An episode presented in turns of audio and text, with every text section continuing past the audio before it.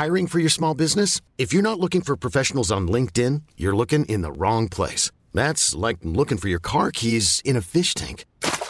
LinkedIn helps you hire professionals you can't find anywhere else, even those who aren't actively searching for a new job but might be open to the perfect role. In a given month, over 70% of LinkedIn users don't even visit other leading job sites. So start looking in the right place. With LinkedIn, you can hire professionals like a professional. Post your free job on linkedin.com slash achieve today.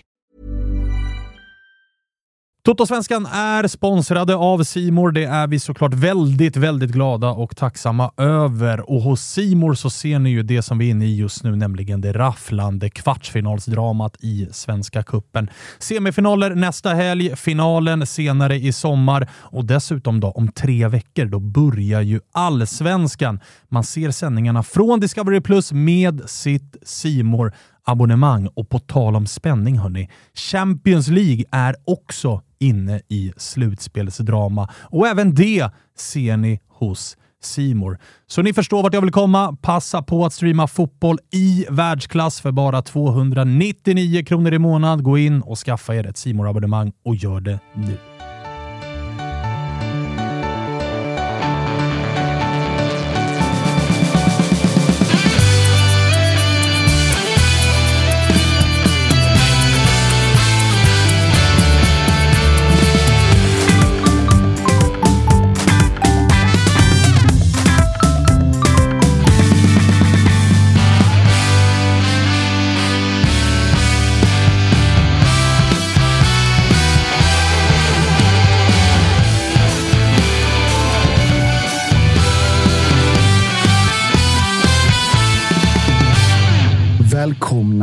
Till Tuttosvenskan Helg Edition, om man vill kalla det det, eller Tuttosvenskan Helg eller söndagsintervjun alla Tuttosvenskan. Kärt barn har många namn, men eh, vi är tillbaka efter förra eh, helgens succéavsnitt med Jocke Persson. Du var ju, du var ju med där, Tapper. Ja, fan vad fina ord man har fått om det. Det är väldigt, väldigt kul.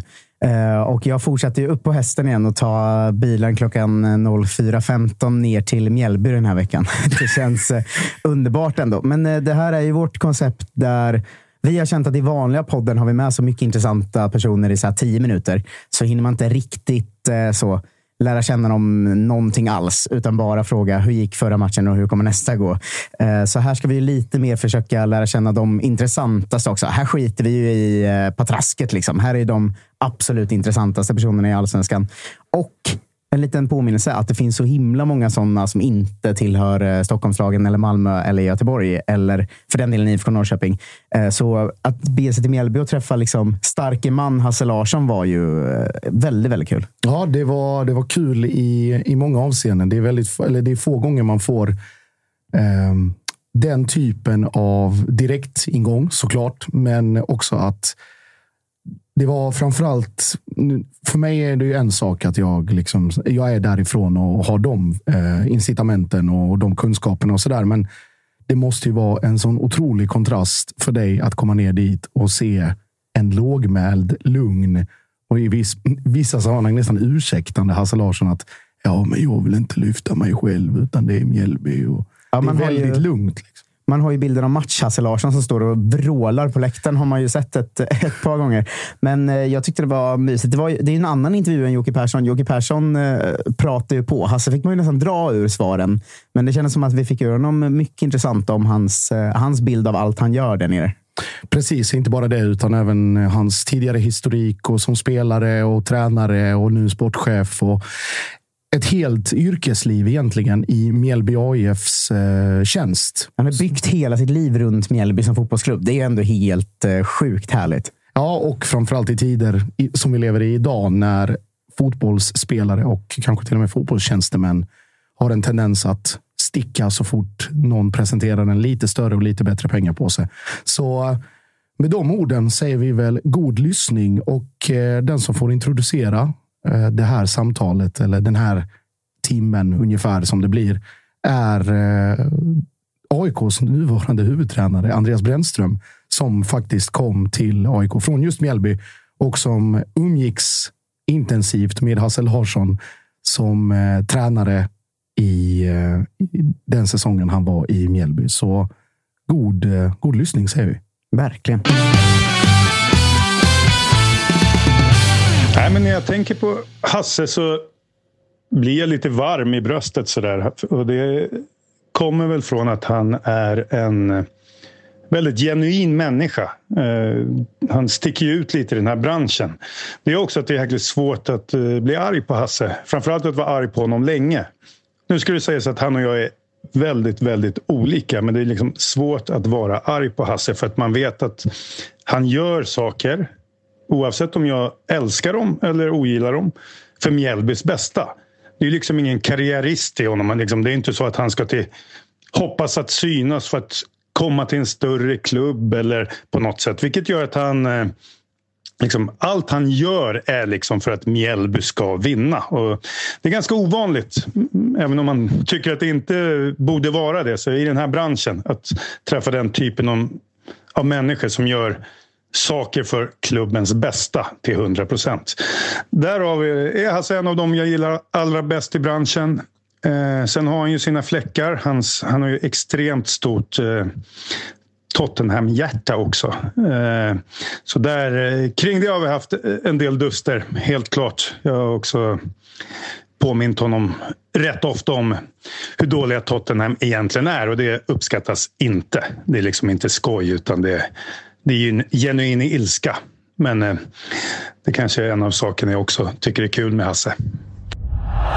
I allsvensk fotboll, eh, idag framförallt, så är det väldigt sällan skådat att någon är i, klubb, i sin klubb eller i klubbar i största allmänhet mer än några år innan större äventyr lockar. Det gäller framförallt spelare, men även klubbledare eller andra former av tjänstemän inom våra klubbar.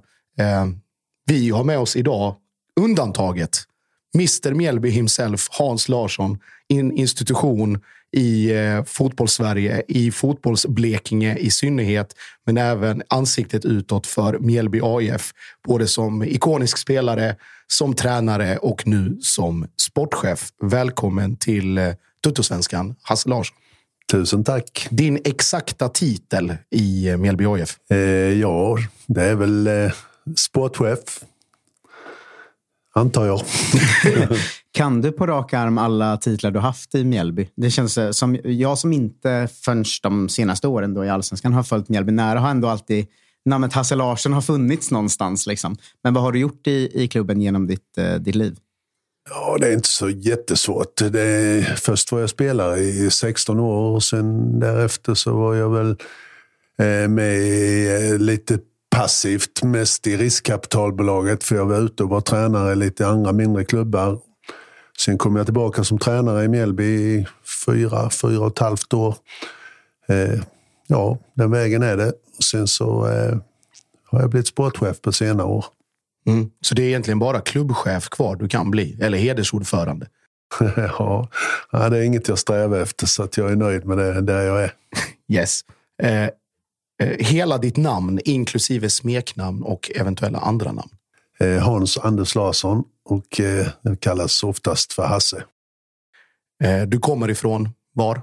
Jag kommer från en, en liten by som heter Gammalstorp från början och har flyttat runt lite grann. Gammalstorp, Norge, Mjällby.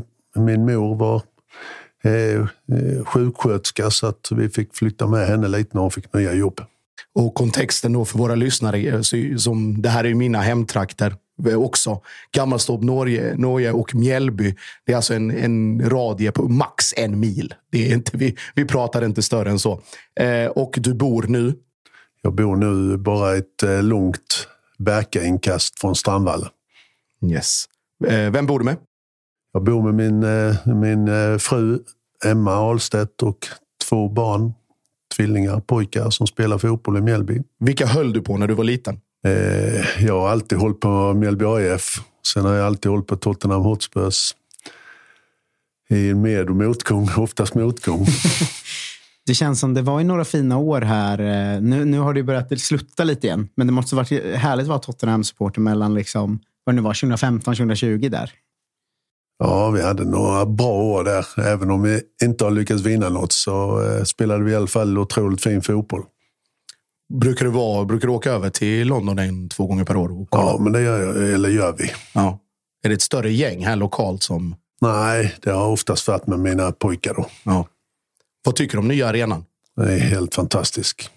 Eh, men å andra sidan, det är inte vallen. Nej, det, det finns inget bättre än Strandvallen. Det måste ändå ha gjort något när Kulusevski kom in också. Jag tänker att få en svensk spelare i, i Spurs, liksom, det har man eh, varit ganska sparsmakat med. Jo, men så är det ju. Det är lite extra. Erik Edman var ju där i lite tag, men eh, Kulusevski är lite extra, det måste jag säga. Har du någon favoritspelare i Tottenham? Eh, ja, det var ofta, eh, Ledley King var det länge, men nu har det blivit Harry Kane naturligtvis. Mm. Nästa här är en liten, en liten halvkuggis, men vi, vi kör. Eh, vad har de här följande personerna gemensamt? Det är alltså Gunde Svan, Jim Carrey, Axel Rose, John Bon Jovi, Robert Wells, Nanne Grönvall, Rolf-Göran Bengtsson, Paula Abdul, Tom Cruise, Wesley Snipes, Lisa Marklund, Mauro Scocco, Tommy Lee, Evander Holyfield, Demi Moore, Jodie Foster och Hasse Larsson. Ja, det var en salig blandning. det är väl eh, i så fall utan den sistnämnda så är det väl artister på ett eller annat sätt kanske. Ja, Ni är alla födda 62. Oj, Det är roligt att jag tror av eh, kanske ja, men 8-10 gäster totalt som har fått det här. Det är fortfarande ingen som har listat ut att det är årtal än, men det är ju svårt alltså. Men känner du att eh, du har något annat som identifierar dig med några av de som nämndes där? Nej, inte på rak arm eh, kan jag inte säga att det är. Det är väl rockfestivalen som är den närmaste nämnaren Ja. i så fall. Det är det ju. Det är ju en fantastisk upplevelse. Laga mat eller hämta mat? Det hämtar mat, absolut.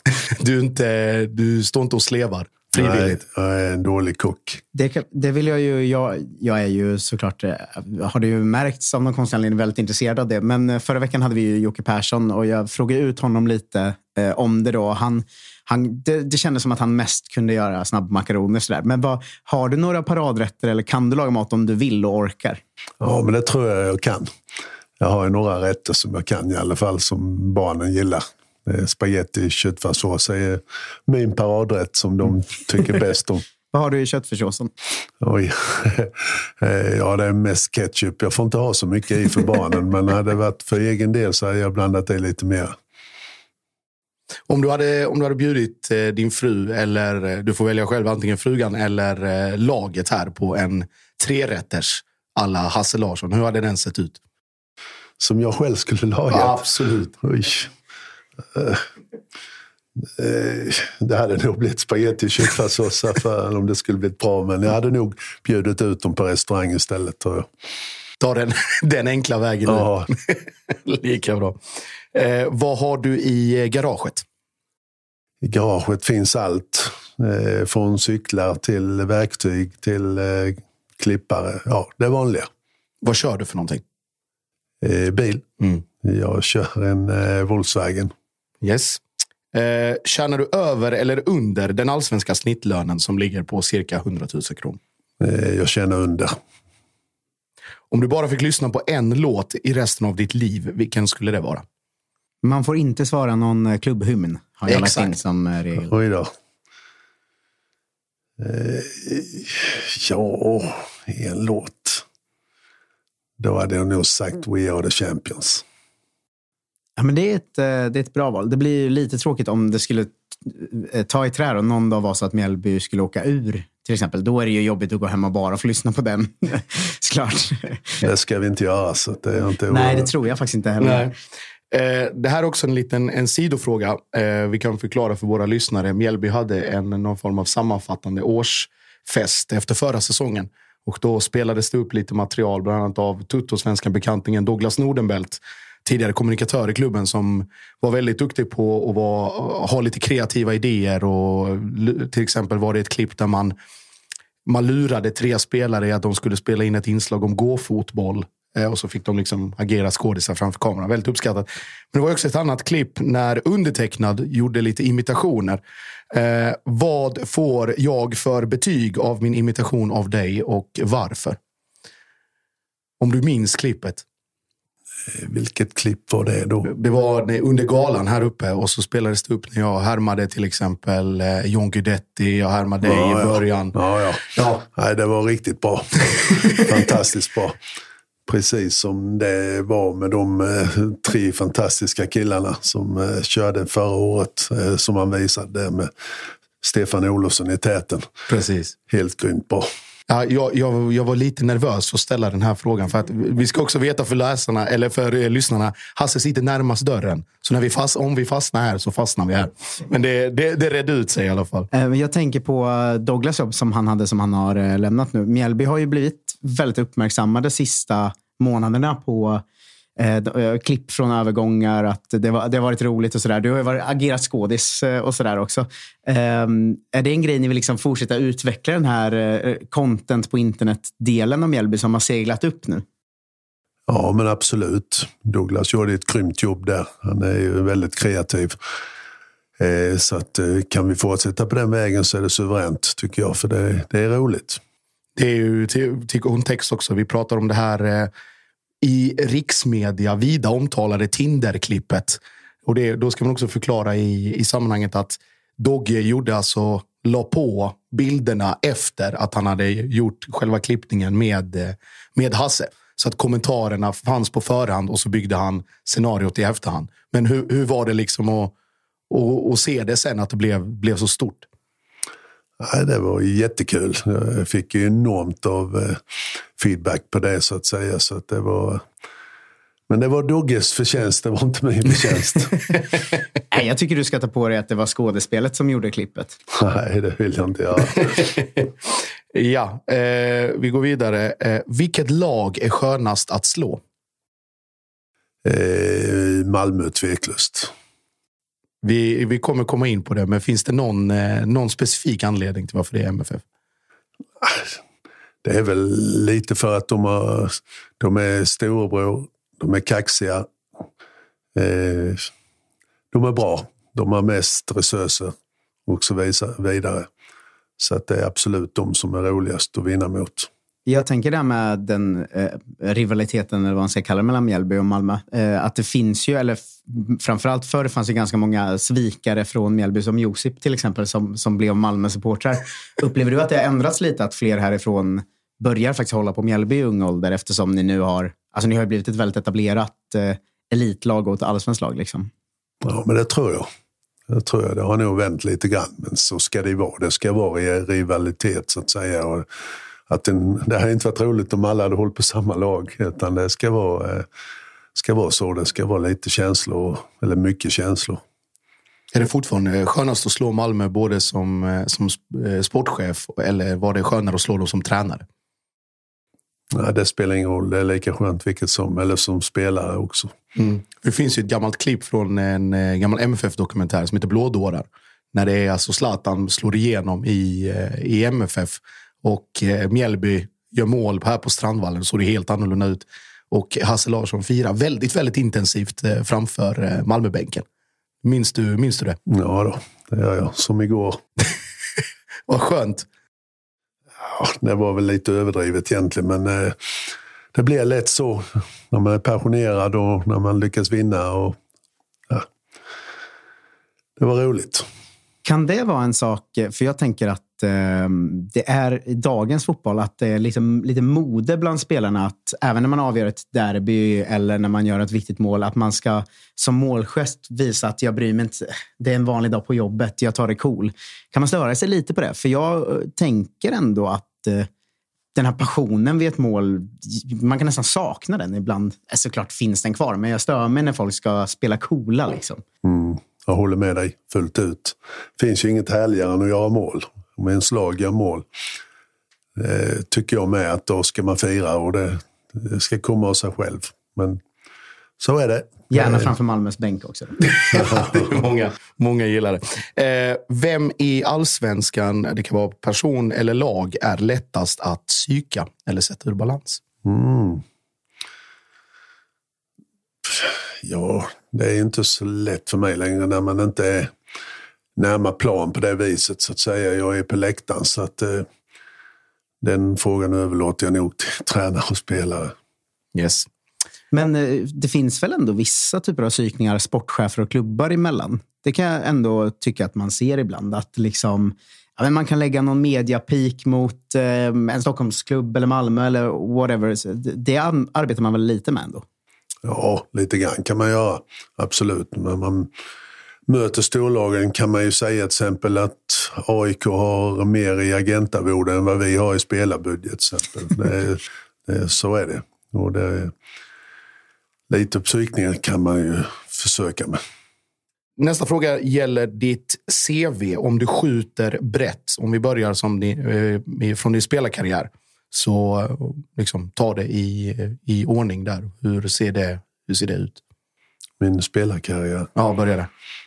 Ja, jag var väl... Eh, jag kom upp i eh, A-laget, eller kom hit i Mjällby som 17-åring och eh, fick väl vara med och se och lära. Det var 1979. Det var året Mjällby gick upp i allsvenskan. Det var ett spännande år. Vi gick upp i allsvenskan. Jag hoppade väl in i några matcher 79.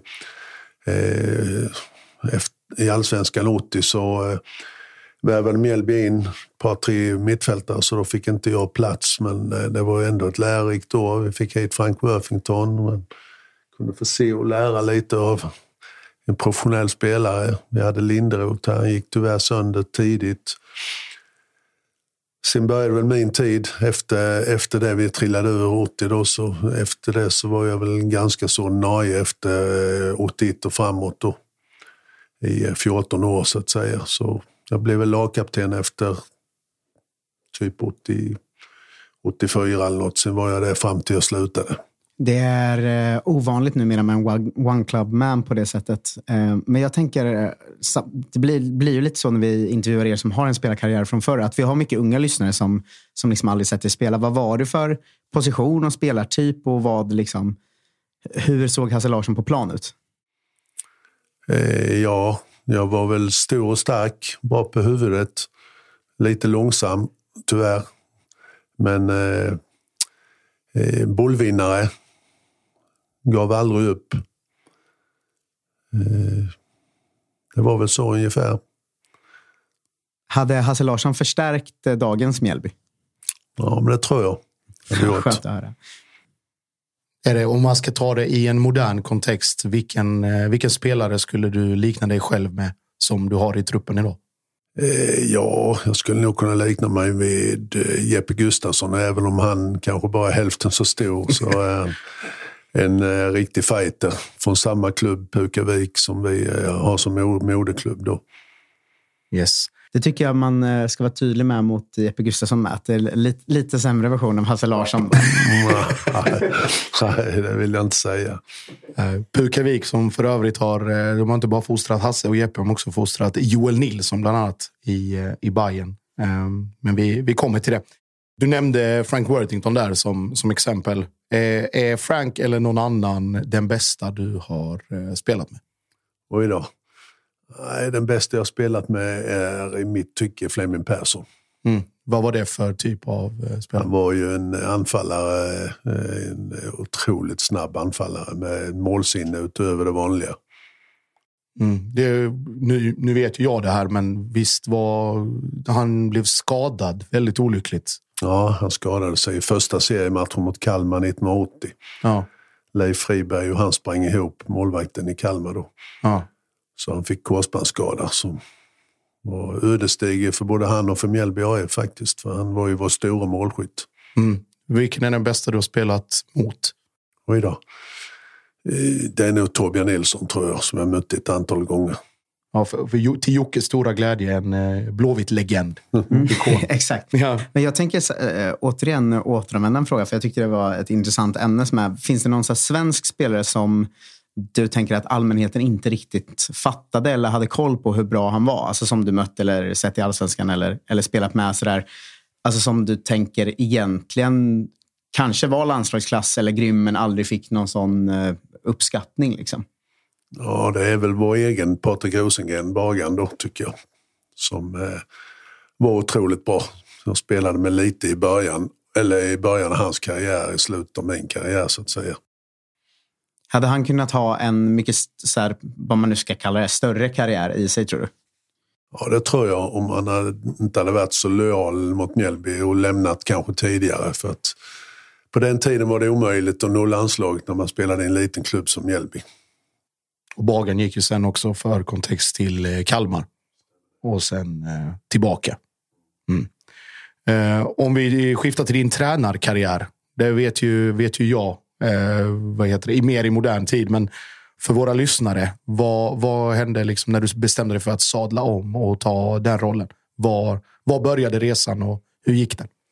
Jag började här i en grannklubb som heter Sölvesborg. Så där var jag ett antal år. Nu gick jag vidare till ett par andra klubbar här i Blekinge, Olofström bland annat. Och innan det blev Mjällby igen då. Du eh, tog Olofström från en ganska anonym tillvaro till att vara med Olofströms mått mätt, eller lokalfotbollsmått eh, mätt, ganska högt. Hur, eh, hur var det, den resan? Ja, men vi hade ett bra gäng då. Det var ju många gamla Mjällbyspelare som, som valde att, att eh, hänga med mig så att säga. Så att vi var väldigt nära att gå upp i superettan. Och, ja, det var synd, men så är det. Hur viktigt skulle det vara för Mjällby att eh, alltså klubbarna runt om, de mindre klubbarna, eh, klättrade lite sådär så att man fick en man ska inte kalla det liksom reservklubb, för det är det ju inte. Det är ju en annan klubb, men ändå någon annanstans där kanske talanger kan vara utlånade eller där man kan hitta ännu fler spelare. Så här. Skulle, skulle det betyda mycket för Mjällby att få upp en eller två klubbar, en eller två divisioner så att säga? Absolut. Det hade varit eh, enormt bra för Mjällby AF om eh, typ Sölvesborg som hade varit min önskan och kanske även Kristianstad i närområdet. Om de hade lyckats. Ett av lagen kanske hade varit i i eh, superettan egentligen, eller i alla fall division 1 och sen eh, det andra laget i division 2. För Sölvesborg ligger i division 2 nu va? Ja, det ska jag inte svära på. Att de Nej, Sölvesborg är division 3 3 till och med? Ja. Ah. För Ekenberg var ju där och... Ekenberg är fortfarande där. Han är fortfarande där? Ja, det gör mig munter. Ja, han, eh, hans, eh, hans fysiska status var ju inte på topp. Även alltså när han kom till Skif, det ska gudarna veta. Men likväl så satt det kvar i fötterna och i huvudet. Det var bombades in mål och sen gick han ju 16 weeks of hell. Och då var det som att han var 20 igen. Och då flög han fram. Satan. Och det är ju två gamla Mjällby-legendarer som är involverade. Det är Ekenberg som någon form av spelande sportchef. Och sen är det huvudtränare Daniel Nilsson. Gammal rivig innermittfältare i, eh, i MIF som är huvudtränare. Men eh, tror du Hasse, om vi, om vi liksom, när vi pratar ändå lokalt.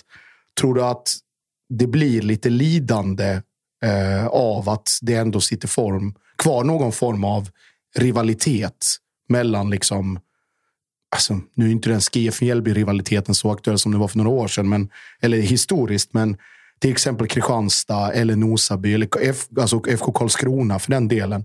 Att det är så pass känsligt fortfarande och att man kanske inte vill ha med varandra att göra än minsta möjliga. Om du förstår frågan. Ja, men det finns ju kvar fortfarande lite grann, framförallt bland de äldre så att säga. Mm. Och det är lite synd tycker jag för att eh, jag tror alla har varit betjänta av att man hade jobbat ännu hårdare ihop eller hjälpts åt. Mm. Om man breddar rivaliteten så har vi ju varit inne på den med Malmö eh, redan. Eh, och förra om åren så kändes det som det var ganska många Mjällby-talanger som, som försvann dit. Liksom. Min bild är att det har blivit lite bättre, men det är en viktig sak att jobba på också. Att talangerna ska stanna här så att faktiskt inte Malmö FF får pengarna för dem, utan Mjällby får det en vacker dag. Liksom. Ja, det är precis som du säger. att det, det har vänt lite grann tycker jag. Att, eh, att de som i alla fall kommer från eh, norra Skåne och, och Blekinge, de ska ju välja Mjällby, de största talangerna. Och det har, det har vänt lite grann tycker jag absolut. Hur har man lyckats få det att vända då? Eller hur har man jobbat fram det? Men det är väl framförallt att, vi har, att Mjällby har kommit till allsvenskan naturligtvis. Det är väl den största anledningen. Och sen att vi har fått väldigt bra ungdomstränare rätt igenom. Gamla Mjällbyprofiler, de flesta av dem. Och eh, bra eh, ungdomslag som gör att spelarna kan ut, utvecklas eh, riktigt bra här. Eh, om vi tar ditt, ditt liv utanför fotbollen. Eh, du kallas ju i vissa sammanhang för eh, allsvenskans motsvarighet till blåbärskungen med tanke på din, eh, ditt liv utanför och med jordgubbarna och hela den grejen. Kan du förklara för våra lyssnare vad, liksom, vad, vad gör Hasse Larsson utanför fotbollen? Eller vad, vad har Hasse gjort utanför eh, Mjällby?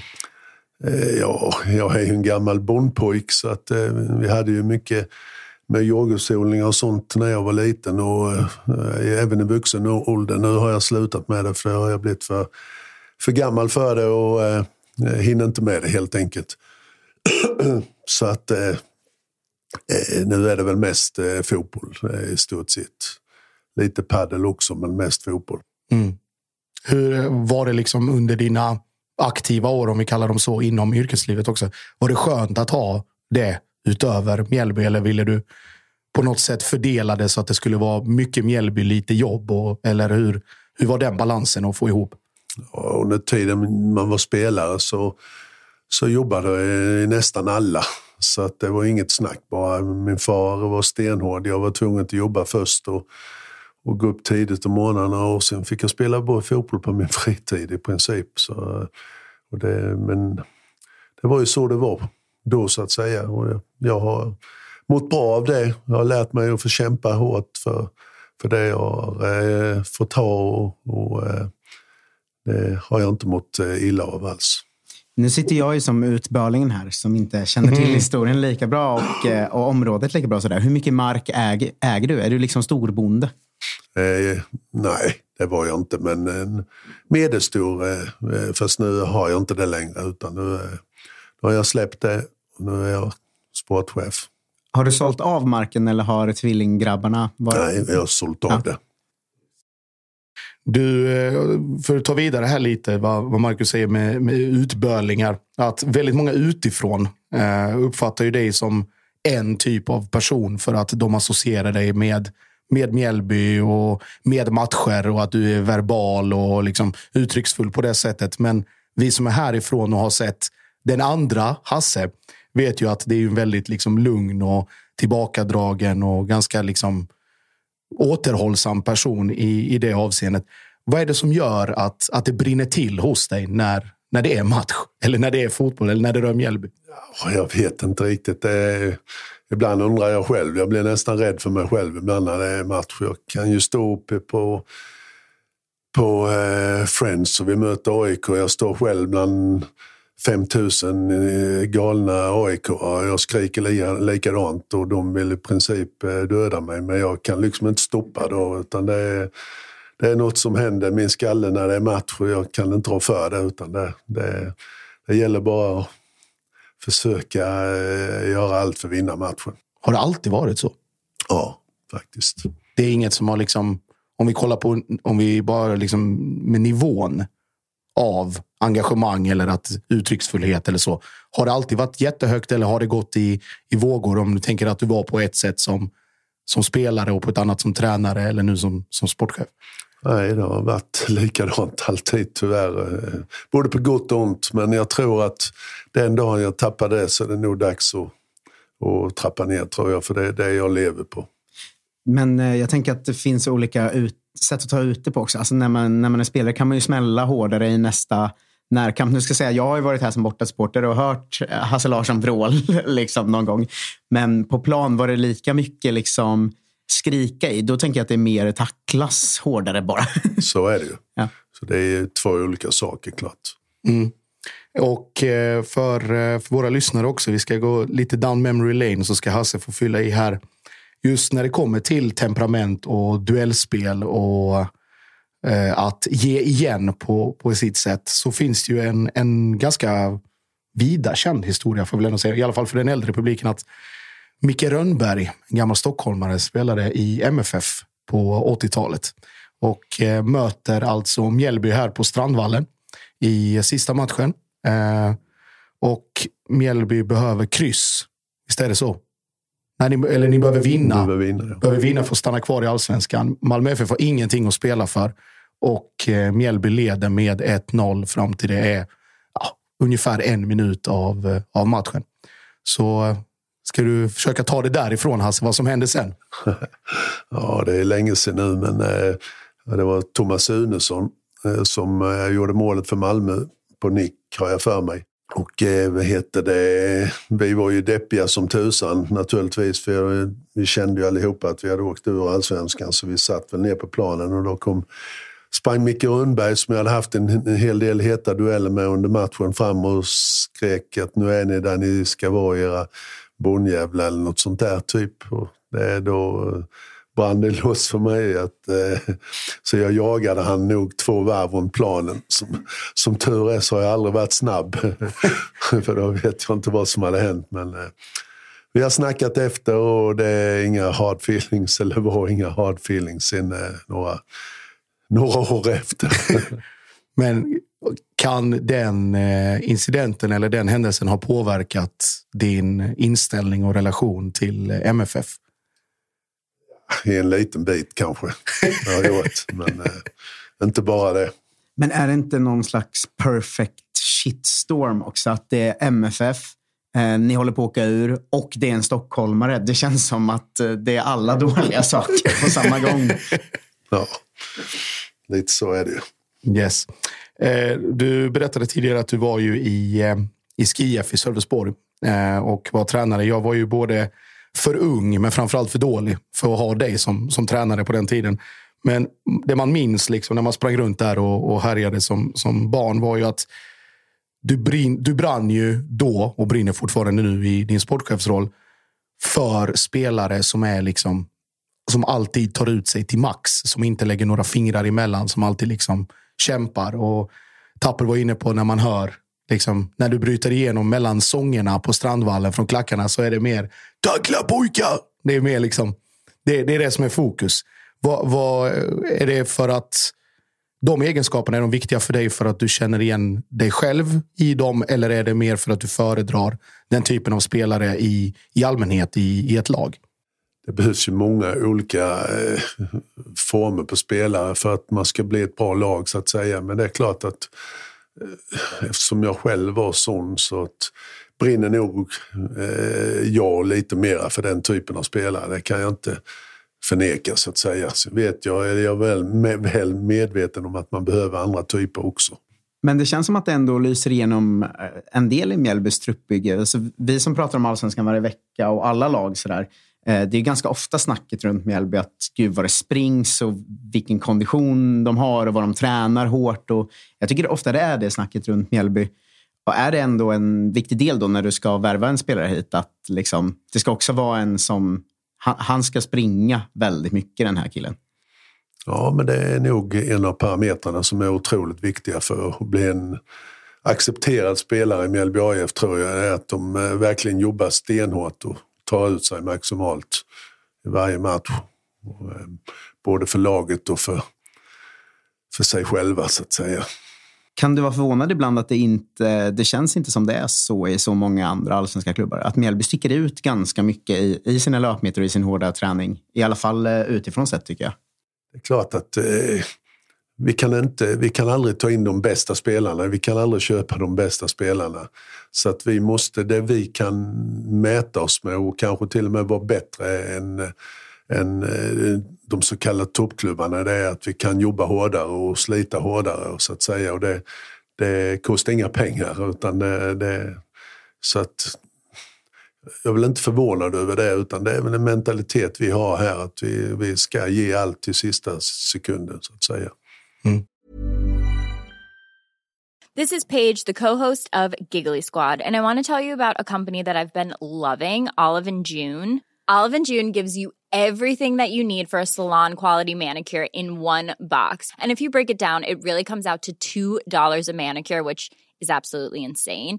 It's also so easy to get salon worthy nails at home with Olive and June. The difference between how your nails used to look when you did them yourself and now with the Manny system is a complete game changer. The best thing about Olive and June too is it's a quick dry, dries in about one minute, lasts for five days, and full coverage in up to one to two coats. Visit oliveandjune.com slash perfect Manny 20 for 20% off your first system. That's oliveandjune.com slash perfect Manny 20 for 20% off your first system system.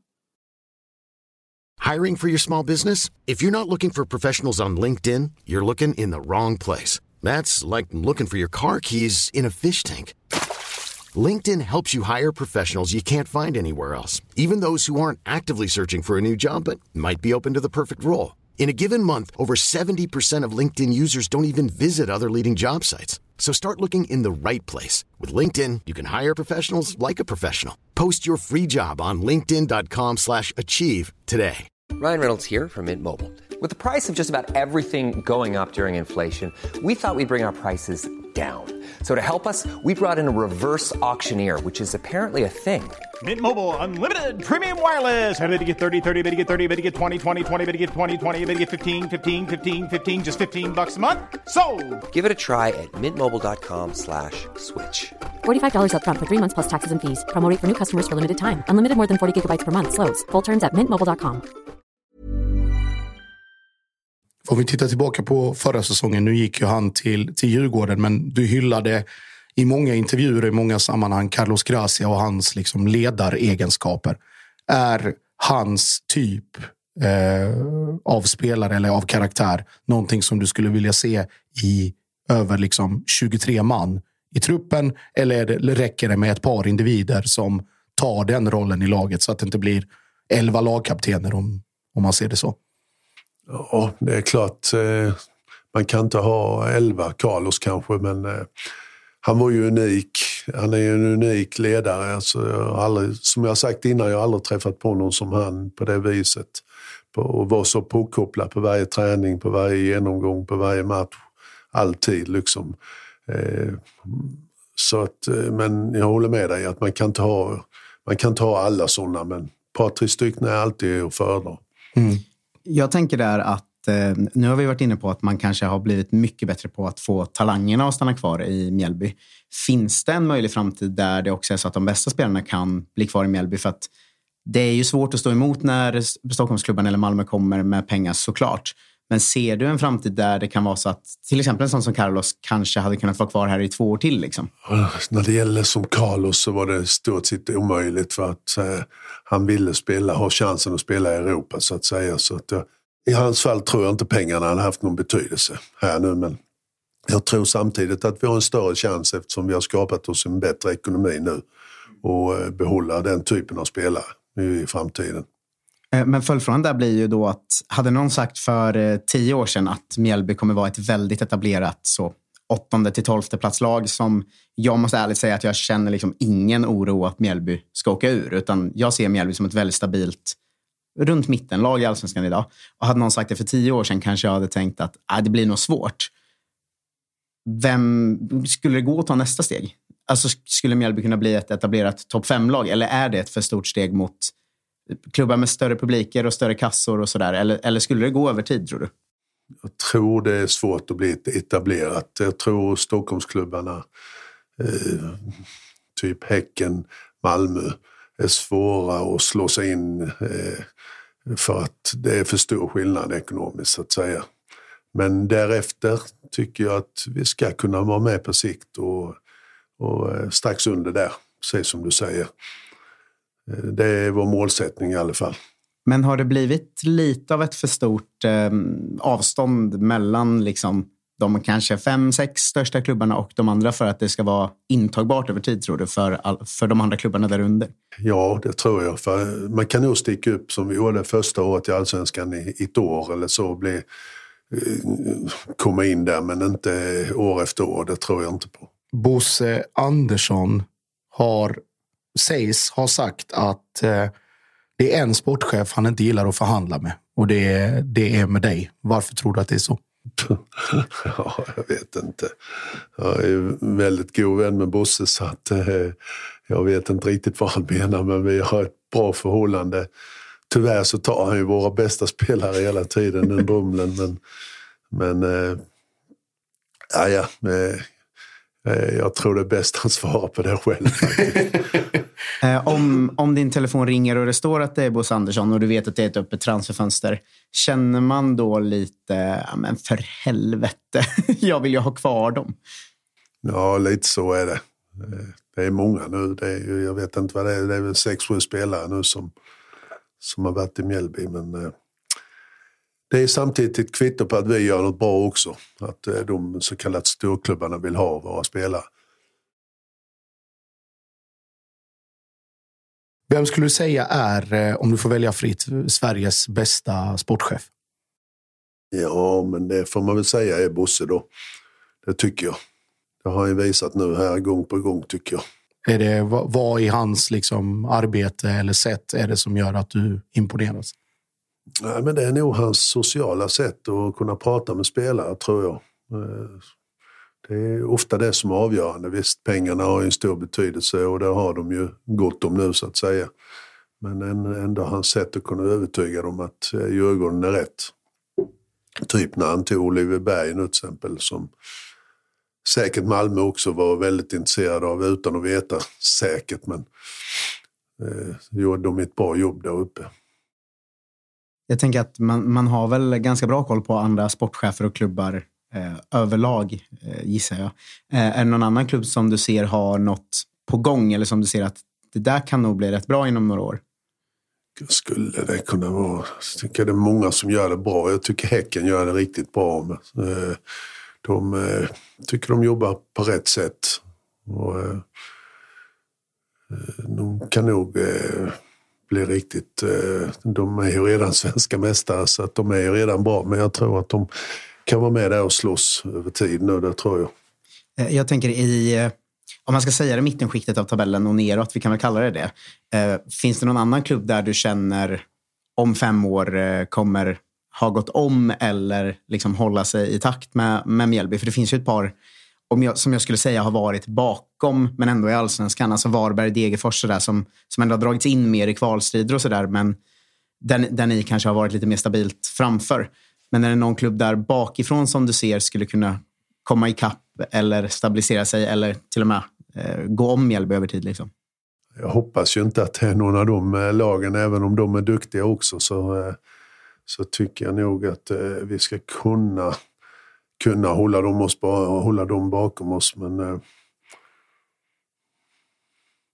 jag tror att sådana här lag, typ som Gais, om de lyckas gå upp i allsvenskan, nu är det väl lite för tidigt ännu, men med den publiken och så de har så tror jag nog att de kan bli, komma att slå sig in så småningom. Varför misslyckas så många av de lagen? Jag tänker Helsingborg, jag tänker Sundsvall, alltså, som har ganska stor supporterbas och som kommer upp ibland men väldigt ofta studsar ut igen och upp och ner. Sådär. Va, va, om du får eh, ta din utifrån blick på det, vad är det som gör att det inte funkar? För förutsättningarna finns ju. Ja, nu är det, nu är det min utom, eh, med min blick ut, utifrån då som jag, så jag kan inte säga att absolut att det är så, men jag tror att det blir ofta för rörigt. Eh, framförallt i, eh, utanför planen. Det byts för mycket med, med både tränare och ledning och så. Alltså man måste ha en kontinuitet. Du pratade lite innan om Norrköping. Jag tror det är samma sak där. De, de ska ju absolut kunna vara bland de sex, bästa lagen i Sverige och är det ju också. Men det gäller att få kontinuitet både på tränare och på i ledningen och, och så vidare. Och det tror jag det är samma med de klubbarna. Om vi, eh, vi var inne lite och, och touchade på det innan, men man brukar ju, alltså den tröttaste klyschan eller liksom sägningen som finns kring Mjällby är ju att det Mjällby gör ska inte ska vara möjligt och med så liten liksom, eh, organisation och det kommer geografiskt från ett ganska avsågat ställe och bla bla bla. Det har man ju hört så många gånger, men om vi tittar på din roll som sportchef och hur din, liksom, din relation med agenter eller med andra rådgivare i din krets och hur du jobbar med, med scouting. Mjällby har ju ganska låg felprocent när det kommer till nyförvärv eller när man varje gång det kommer in någon så det bidrar ju, alltså någonting bidrar. Det är inte bara att nyförvärvet kommer in och så sitter den på bänken i 13 matcher och inte kom in alls, utan allt är relativt välscoutat. Hur har du under den här tiden kommit fram till att det här är min metod som, som jag ska jobba efter och så här vet jag att den ger resultat? Jag har en fyra, fem agenter som jag litar på och de jobbar jag med. Så att det är väl mest, mest den biten som är viktigt känner jag så att man inte fladdrar iväg och uh, hittar spelare med agenter som man, uh, som man vet eller inte vet vad man har riktigt. Det är så jag känner. Mm, för att följdfrågan blir ju, Mjällby har ju ingen chefscout till exempel som, som andra klubbar. Är det ett medvetet val eller är det bara någonting som, som har blivit så just med tanke på det vi pratar om precis?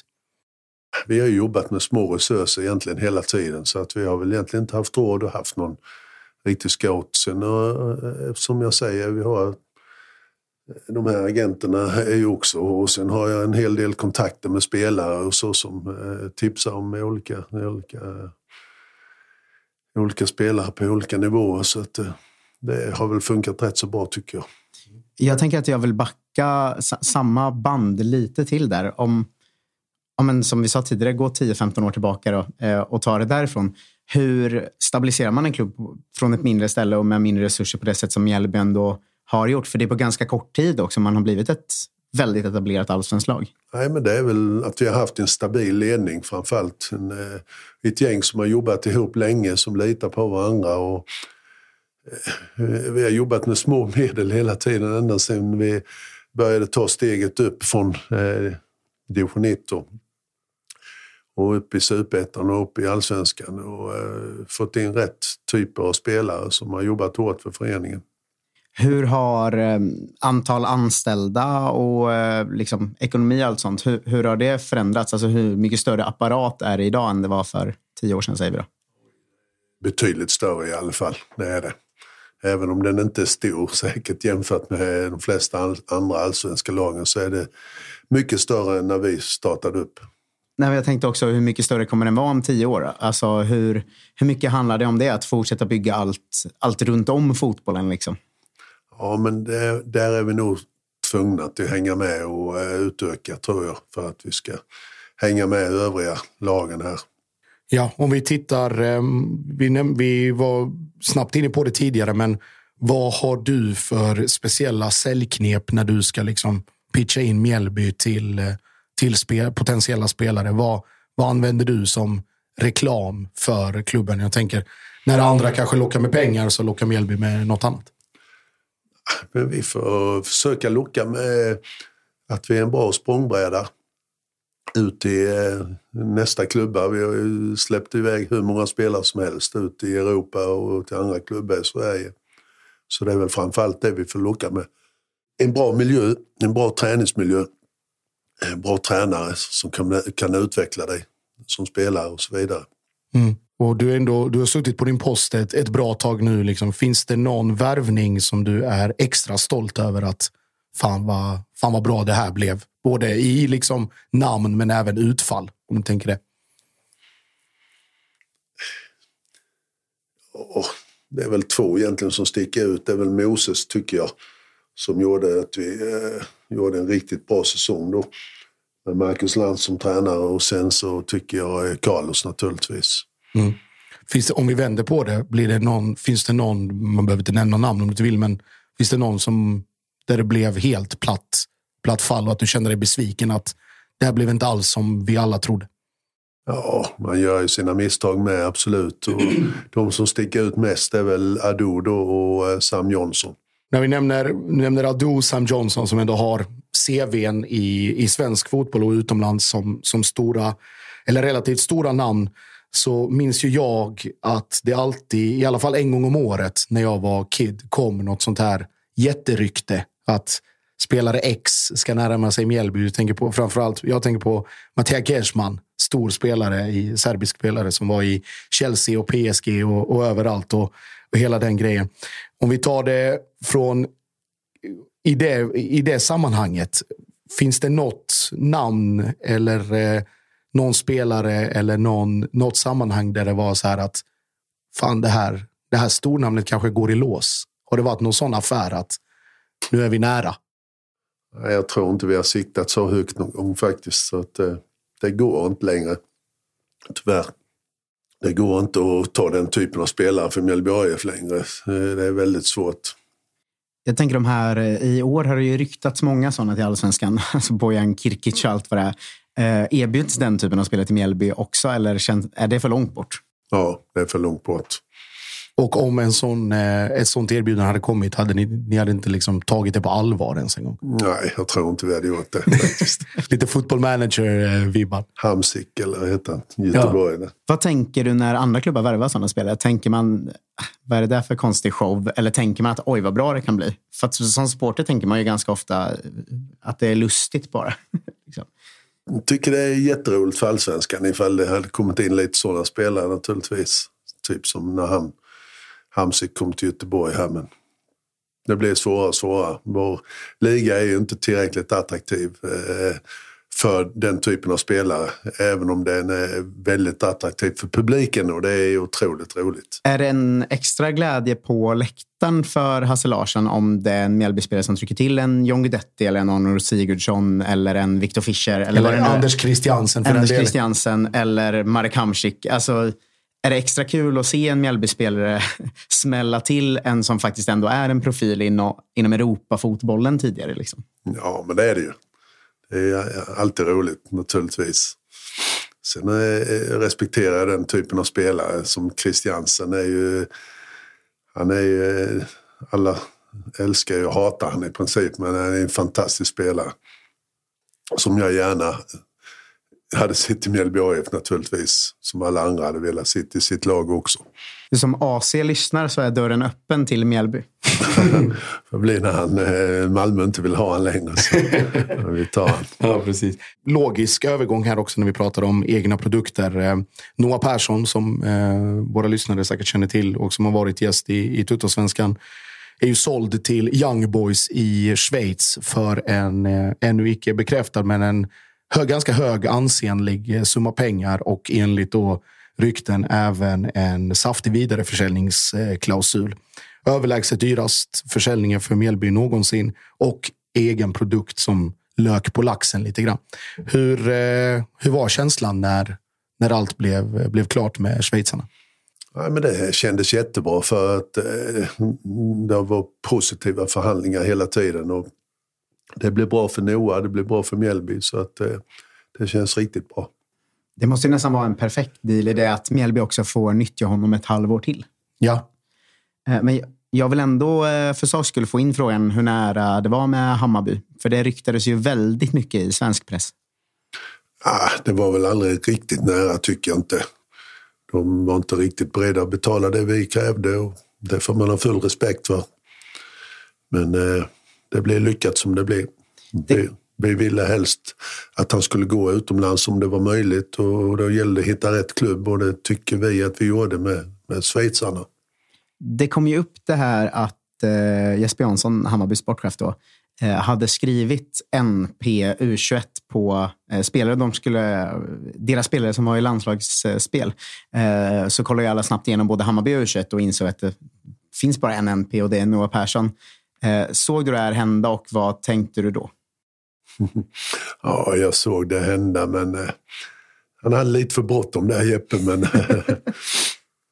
men eh, han har hittat en bra annan back nu i Strand verkar det som. Så att det blir nog bra. så om vi sammanfattar det, var det, var det skönare att för alla parter, men jag tänker framförallt för Mjällby, att det blev en utlandsflytt och inte inom allsvenskan? Ja, men det tycker jag. Dels fick vi betydligt mer pengar och dels kändes det bättre eh, att, han inte skulle, att, vi inte, att vi inte skulle behöva möta Noah också. Så att säga. Det räcker med Joel i Hammarby. Precis. Lägger man på en extra prislapp, nu pratar vi inte om specifikt Noah, men säg att du skulle ha en spelare som du vet att du kan sälja till utlandet för 4 miljoner, så kommer Hammarby och Djurgården och Malmö också intresserade. Säger man då 6 miljoner till dem, annars kan vi lika gärna skeppa han och slippa möta honom. Liksom. Nej, eh, så fungerar det inte riktigt. Men eh, här var det ju tvärtom. Att eh, schweizarna var beredda att betala betydligt mer än Hammarby så att säga. Men, men det, kändes bra med dem direkt så att säga. Och plus att vi fick ha kvar han, vilket var Noras önskemål också för att få lite mer kött på benen i dessa tio matcherna här. Vi, har bytt ut sju, sju startspelare innan så det hade inte blivit bra om Noah också hade försvunnit. Jag tänker just på Noah också, att det är en, en er spelare som går ganska dyrt och ni får pengarna. Eh, vi hade ju säsongen innan eh, Amin Sarr som gjorde succé och sen gick och då hamnade ju alla pengar hos Malmö. Och det har varit också en liten snackis runt Mjällby att det varit ganska många inlånade spelare och sådär. Eh, är det något man också försöker jobba ifrån att ha mindre och mindre inlånade spelare som ni faktiskt inte själva kan få ut några pengar av utan bara sportsliga resultat?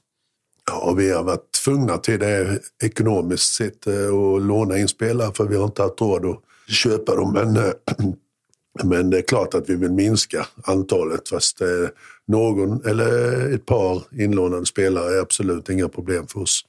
Ja, det var väl många som höjde på ögonbrynen nu när, när Carlos försvann. Att man, både Colin Rössler och Tom Pettersson kommer in och på dessutom liksom permanent övergång. Var det de förhandlingarna? Var de, hur gick de? Var de smidiga eller fick ni bearbeta Lilleström lite grann? Eller hur såg, hur såg det ut? Ja, Lille, eh, i, Tom, I Toms fall var han ju fri spelare Exakt. så att det var ju inga konstiga, konstigheter med Lilleström. Och I Collins fall så var det mest med agenten eh, Jim Solbacken då som Men de var ganska positiva också. Jag pratade med Collins far Ove med och han var med positivt till att han skulle få en stor roll i Mjällby så att säga. Vilket att de kände att han inte hade haft i Lilleström. Så att eh, det, det var positivt hela vägen i Collins fall. Är du nöjd med dem hittills? Tänker på cupgruppspelet. Ja, väldigt nöjd. Jag tänker på Tom Pettersson, att eh, det är en spelare som har ett eh, ganska etablerat namn i en allsvensk kontext och som också ryktades till framförallt IFK Göteborg kanske, men även en del andra allsvenska. Häcken var där också. Häcken var där också. Ehm, är det en fjäder i hatten att lyckas landa en sån spelare? För det, det känns ju som en ganska tydlig allsvensk hylla som ja, men för tre år sedan kanske det hade varit svårt för Mjällby att landa en sån, eh, sån värvning. Är det ett bevis på att ni f- faktiskt har gjort den här klättringen? Ja, lite grann kan man väl säga. Och, eh, jag har haft kontakt med Tom i ja, är väl tre år nu, tror jag. Så att, nu gick det äntligen i lås och jag är jätteglad. En fantastisk kille och en bra ledare också. Så att, det var en sån spelare vi behövde. Mm. Eh, om vi knyter ihop Noah-säcken. Eh, nu kommer ju ganska mycket pengar in eh, och Mjällby som redan har en med allsvensk mått mätt välordnad ekonomi och Magnus Emius som, som rattar det eh, på ett, ett utomordentligt sätt såklart. Men finns det liksom både, har ni någon plan på kortsiktiga och långsiktiga investeringar vad ni ska göra av eh, den, här, den här summan som, som kommer in?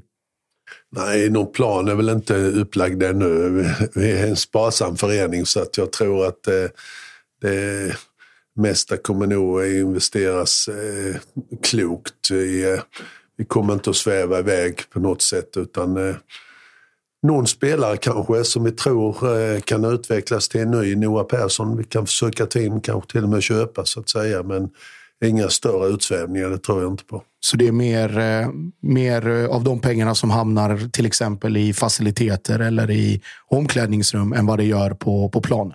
Ja, men det, så blir det säkert. Så spara en hel del så att vi kan trygga Mjällbys framtid ekonomiskt sett i många år i alla fall. Jag tänker också där att det är en sån sak man inte har så bra koll på på andra klubbar. Men hur ser eh, akademin eh, och sådär ut i Mjällby? Eftersom det kommer ju upp en hel del egna spelare. Men, men hur, hur ser det ut? Har ni en akademi du är nöjd med? Och eh, ja, men hur, hur ser framtiden ut? Finns det ännu mer investeringstankar där och sådär? Ja, absolut.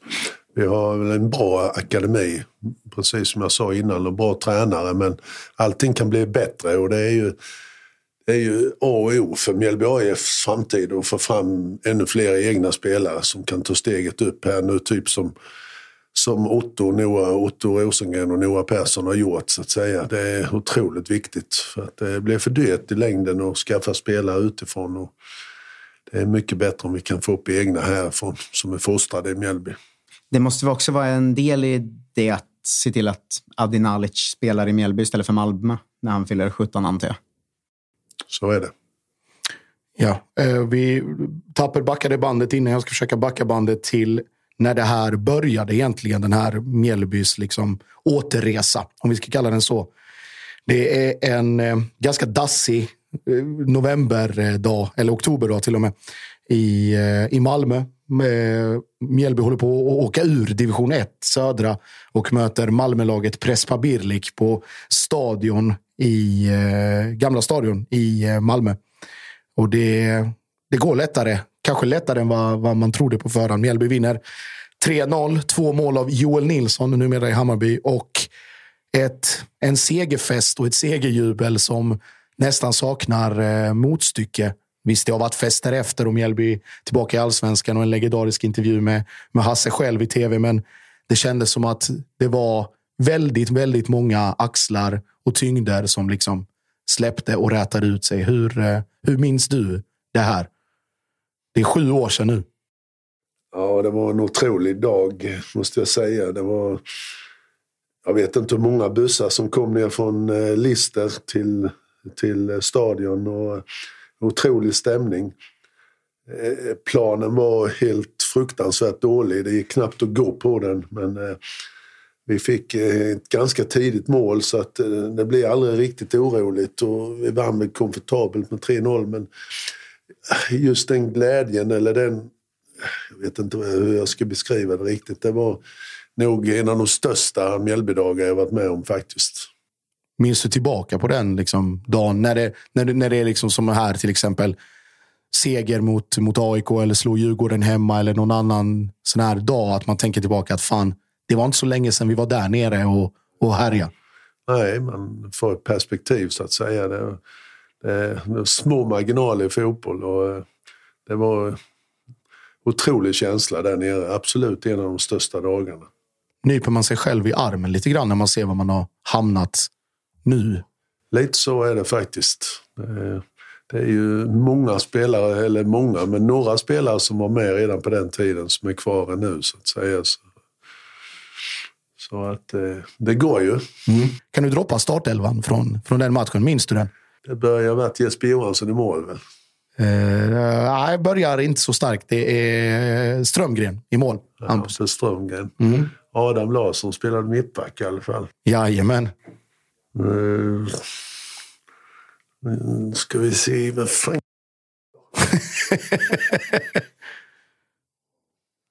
Jag kan hjälpa till med, med backlinjen. Rasmus Persson. Ja, det sitter. Och eh, bredvid Adam Larsson spelar Adi Terzic. Adi Terzic. Och bredvid honom på ytterback, vem har du där? Back. Billy Andersson spelade inte. Kevin Karlsson. Kevin Karlsson. Sen har du inom mitt fält som var med på den tiden. Jesper Gustafsson, givetvis varnad. Skräll. Eh, Albert Ejuppi. Albert. Eh, gammal Varbergsspelare, Helsingborg och numera i Israel efter en vända i Österrike. Och Joel Nilsson då gjort. Joel Nilsson. Gult kort också. Skräll. Två baljor. Och på andra kanten, vem har du där? Till vänster. Nej, jag minns inte. Theo Ola. Det, där är vi långt ner och gräver ja, i arkiven. Ja, en gammal Tottenham-spelare ju. Jajamän. Och sen har vi anfallsparet. Var Ekeberg eller? Jajamän. Och bredvid honom. Redan då. Mm. Nej, jag kommer inte ihåg. Nej, det är Moro. Moro. Ja. det, här är, det är en helt sjuk startelva. Så tittar man på bänken och så är det gamle, gamle lokalspelaren också. Jens Sjöström, Filip Olsson, reservmålvakt. Hannes Andersson, Danne Nilsson, Skif-tränare. Axel Rydén och en ung Adi Nalic. Där var han inte torr bakom öronen. Vad var, kan han ha varit? Det var alltså 16 och han är född 90, 97. 19 bast. Ja, han är född 92 va? Adi, 97. 97 Adi Nalic. Ja, ja. ja. Så det är 19 bast. Hasse Larsson efter slutsignal. Vad säger man vid ett sånt här tillfälle? Bragd! Bragdmedalj! De är värda bragdmedalj de här killarna. Fantastiskt bra jobbat. Hur, hur är det möjligt Hasse? Hur är det möjligt? Ja, det gäller att göra det omöjliga möjligt. Det är så. Stort grattis och fira med grabbarna nu Hasse. Ja, tack så mycket. Tack. Men jag tänker att det, det, måste vara ovanligt att ha en sån. Det måste man ju tänka på ibland. att Det är ju en sliding doors match. Alltså blir det förlust där så är ju inte ja, Mjällby... Då är, det över. då är ju inte Mjällby idag där Mjällby är idag. Nej, så är det faktiskt. Mm. Nej, det var inte bra giss, eller gissat. Bra kom ihåg av mig, men jag vet att man var så inne i den här matchen så jag kommer nog egentligen inte ihåg så mycket av själva matchen heller. Nej. Har du någon gång liksom haft mardrömmen att se, se, den matchen och, och det blir en förlust? Jag tänker att det måste finnas undermedvetet någonstans. Jo, men det är självklart att man har tänkt tanken flera gånger att vad, vad, vad som hade hänt så att säga. Då hade du varit storbonde idag. Precis. Ja, nog så. Jag hade nog inte varit sportchef i allsvenskan i alla fall. Nej. Om vi eh, nu pratar om att liksom den matchen och all känsloanspänning och, och de grejerna. Du har ju gå tillbaka lite till det vi var innan. Du har ju din fasta plats, kan man kalla den här på, på vallen när det är match. Det är uppe i hörnet på kortsidan på sittplats bredvid eh, bortaklacken. Hur, eh, hur kom det sig att du hamnade där av alla platser på vallen? Är det behörigt avstånd till fjärdedomaren? ja, det är nog mer att eh, det var väl mest i eh, superettan att eh, det, då hade vi inte så mycket publik så där var det bara jag på den läktaren så jag störde inte någon. Och, eh, så att eh, nu har det ändrats lite men nu har jag blivit kvar där i alla fall. Så. Alla unga, ungarna kallar det för Hasseläktaren nu, så, så är det. Är det liksom, känner du att det, det, har blivit som en ritual eller som en vana att gå dit? Och... Det är en vana mer. Ja. ja. Jag tänker på, på Strandvallen att det är ju en eh, klassisk sån grej man säger om många, många arenor i och för sig, ofta i, i mindre orter. Men, men, just att det är jobbigt att komma till Strandvallen och, och, och man möter ett, eh, liksom, ett Mjällby som krigar och allt det. Det, det. det känns som en klassisk arena på det sättet. Men Beskriv Strandvallen. Vad, vad, är det för fotboll som ska spelas på Strandvallen och hur ska det vara på Strandvallen på en perfekt Hasse Larsson-dag? Det ska vara en fanatisk publik som eh, gör ett helskotta för motståndarna. Kanske för domarna? Ja, som gör det tufft för domarna också. naturligtvis. Som är väldigt enögda, precis som jag är. Eh, vi ska ha ett lag som går ut och eh, eh, från första minuten är beredda att offra allt för att vinna matchen i princip. Som eh, spelar med hög intensitet, en fin anfallsfotboll, eh, en, ändå taktisk och eh, kämpar stenhårt. Som bortasupporter så kommer man hit och man har hört om den här sillatoasten. Eh, den får man inte köpa som bortasupporter och man står ju in i en bur Eh, är det också ett slags mindgame för att eh, bortasupportrarna ändå ska veta sin plats? Ja, det vet jag faktiskt inte. Det har jag aldrig tänkt på. Men det är kanske så att det är en liten bur där jämte. Ja. Och så alltid, oavsett tid på året, så blåser det ju jävel från havet med. Så det är mitt, mitt i sommaren så kan det vara 12 grader på läktaren. Ja, det är kanske så. Nästa gång ska jag kräva att få gå runt och smaka den här sillatoasten. få den levererad. eh, vad heter det? Och när vi ändå var inne på, på de grejerna. Det finns en, en anekdot som har eh, snurrat runt, men som vi kan se om vi kan få bekräftad här i, i livesändning. Eh, pandemiåret, då är ju Marcus Lantz eh, huvudtränare, Christian Järdler eh, assisterande tränare. Eh, Mjällby åker till Gamla Ullevi för att möta Blåvitt. Eh, och i och med att det är helt publikfritt så har ju Hasse Larsson fullt blås på Gamla Ullevi och kan, eh, kan göra så att det låter som att det är hundra supportrar på plats och inte bara en. Så frågan är alltså, är det sant att Marcus Lantz i, låtsades att han inte visste vem du var när Mohammed Al-Hakim blåste av och frågade vem är han som skriker där uppe? Det är sant det. det är otroligt. Det är nästan att man vill ha ett poddavsnitt till med bara smyginspelningar från Hasse Larsson på match. Egentligen. ja, det hade varit något det. Mm. Eh, om vi ska försöka att sammanfatta den här, eh, den här timmen vi har haft här tillsammans. Eh, Mjällby i all ära och du är liksom one club man och har liksom brunnit och brinner fortfarande för Mjällby och det är liksom hela ditt liv har på något sätt kretsat kring föreningen. Men har det någonsin funnits liksom intresse eller propåer eller förfrågningar av någon sort från, från andra klubbar? Har det varit att fan, du ska inte kanske komma och, och jobba för oss eller är du intresserad av att ha ett möte eller någonting sånt? Jo, det har funnits, men det har aldrig varit intressant för mig. För att eh, är min plats, som man säger. Har man aldrig slagits av tanken att så här, tänk vad jag skulle kunna göra med en kassa på 701 miljoner i eget kapital? Ibland blir man ju lite avundsjuk med, när man tänker vilka pengar det finns klart i en del klubbar. Men eh, det finns så många andra fördelar här i den här klubben med den gemenskapen och den sammanhållningen vi har. Så att det är aldrig eh, det har bara varit eh, en kort tanke, sen har den försvunnit lika snabbt. Det känns nästan som att du är mer Mjällby än sportchef på ett väldigt, väldigt bra sätt. Det vet jag inte. Vi är ju jättemånga som jobbar stenhårt för den här klubben så jag vill inte på något sätt överdriva min betydelse men eh, har ett gult hjärta och det är viktigt för mig och det är kanske viktigt för andra också. Har du känt någon gång att fan, det kanske är dags att och göra något annat än, än att stå här? Nej, det har jag nog inte gjort, tror inte. Och det finns, du ser ingen bortre gräns heller för hur länge du vill och orkar köra? Nej, inte så länge jag får vara frisk och så, så gör jag nog inte det. Sen vet man aldrig, de kanske vill ha in någon annan så småningom. Då får man ta det i så fall. Då kommer jag vara på läktaren och heja istället. Så, så är det. Jag tänker att vi eh, har ju lite som uttalat eh, mål och ambition med den här podden att aldrig, aldrig prata om liksom förra matchen eller nästa match utan mer, mer lära känna vår gäst. Men jag vill ändå slänga in frågan att hur, hur bra kan Mjällby bli i år? Vi alla har ju sett att ni kan ha en topp fem placering i er. Det har vi ju sett nyligen. Eh, men hur bra kan årets upplaga bli? Realistiskt sett så är vi nog där eh, sjua, åtta skulle jag tro eh, är nog det bästa. För att eh, nu bygger vi ett nytt lag igen. Som jag sa innan, vi har tappat sju startspelare och tappat hela backlinjen plus målvakt. Det kommer ta tid innan det sätter sig, innan tränarna får styr på detta. Och så, så att, eh, det är nog det man kan begära i bästa fall. Men vi vet att vi kan slå alla lag.